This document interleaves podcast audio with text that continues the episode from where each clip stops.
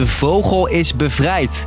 Het was het eerste zinnetje van Elon Musk als eigenaar van Twitter. Eind oktober kocht hij het platform. Met grote plannen, maar meteen ook een hoop gedoe. It is an understatement to call the last 24 hours chaotic for Twitter. En nu laat hij Twitter-gebruikers stemmen over zijn toekomst. Ik ben Steve en ik leg je uit hoe dat zit.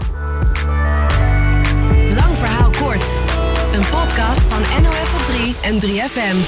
Twitter employees have rejected Elon Musk's quote hardcore ultimatum. Het was maanden de vraag in de wereld van de socials. Neemt Elon Musk nou wel of niet Twitter over? Mijn collega Nando Kastelein van de tech-redactie volgde het allemaal. Ik heb heel veel uren hier aan besteed dit jaar aan dit verhaal, aan dit onderwerp, ja.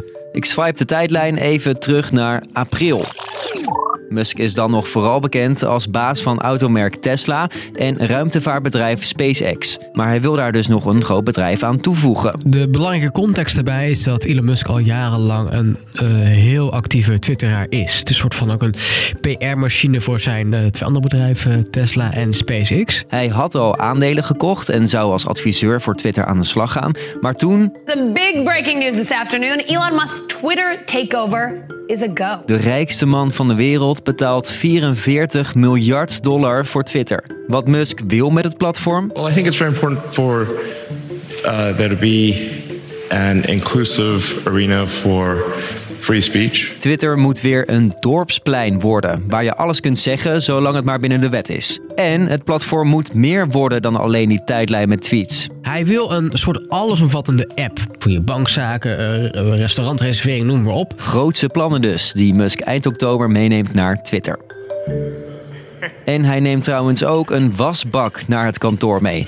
Als geintje. Walking into the Twitter headquarters with the phrase let that sink in. And he literally was carrying a sink into the headquarters. Maar lang werd er niet echt gelachen in dat kantoor. Nee, er ontstond uh, uh, enorme chaos. Twitter staat er financieel niet lekker voor. En Musk ontslaat direct het bestuur van Twitter. En nog geen week later vliegt bijna de helft van het Twitter-personeel de deur uit. Komt neer op ruim 3000 werknemers. Als je net een week bestuurder bent van een bedrijf, dat is wel, uh, wel heel snel. De mensen die mogen blijven krijgen wel te maken met een nieuwe regel. Dat mensen zich uh, moesten voegen in zijn visie van extreem hardcore werken. De 80-urige werkweek is in zijn ogen normaal. Als je dat niet wilt, dan is daar het gat van de deur. Gevolg, naar schatting vertrekken nog eens duizend mensen. Zoveel medewerkers die in zo'n korte tijd vertrekken, dat is niet niks. Ja, je hebt medewerkers nodig om je platform in de lucht te houden en door te ontwikkelen. Zowel in het ontwikkelen van de site, in, in de lucht houden van de site, van moderatie. Zeker op lange termijn kan een minder groot team voor problemen zorgen, zegt Nando.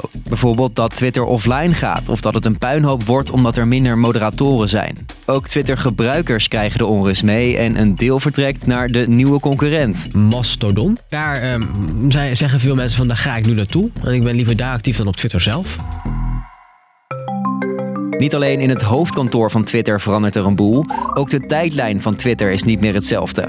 Neem de blauwe vinkjes. Dat blauwe vinkje is van oudsher een teken van verificatie. Dat jij bent wie je zegt dat je bent en dat Twitter heeft geverifieerd. Die vinkjes kun je nu voor 8 dollar per maand kopen.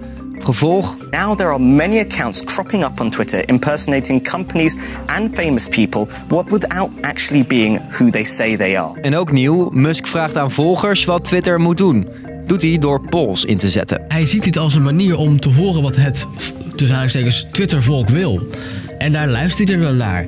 En dat is zijn manier om de wil van het volk door te voeren. Een van de eerste polls. Willen jullie Donald Trump weer zien twitteren? He was banned uh, permanently. Uh, 52% of the users versus 48% said yes, allow him to return. Musk heeft er tegelijkertijd ook geen moeite mee om mensen van het platform af te gooien. Begin december nog verwijdert hij de Twitter-accounts van een aantal Amerikaanse techjournalisten omdat ze privé-info van hem zouden hebben gedeeld. Musk vroeg of ze terug mochten komen en de meerderheid zei ja.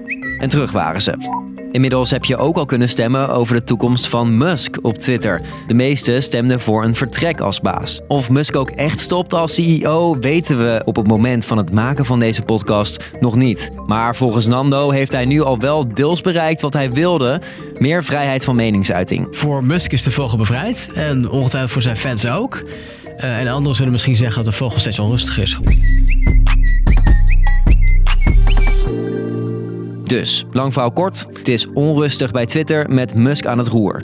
Duizenden medewerkers zijn ontslagen of vertrokken zelf. En een deel van de gebruikers verdween ook. En als je nog wel op Twitter zit, dan zul je wel merken dat Musk je regelmatig om je mening vraagt. Wij doen ook nog even een polletje. Luister jij morgen weer? Ja of nee? Ja, zegt de meerderheid. Nou, top. Tot dan.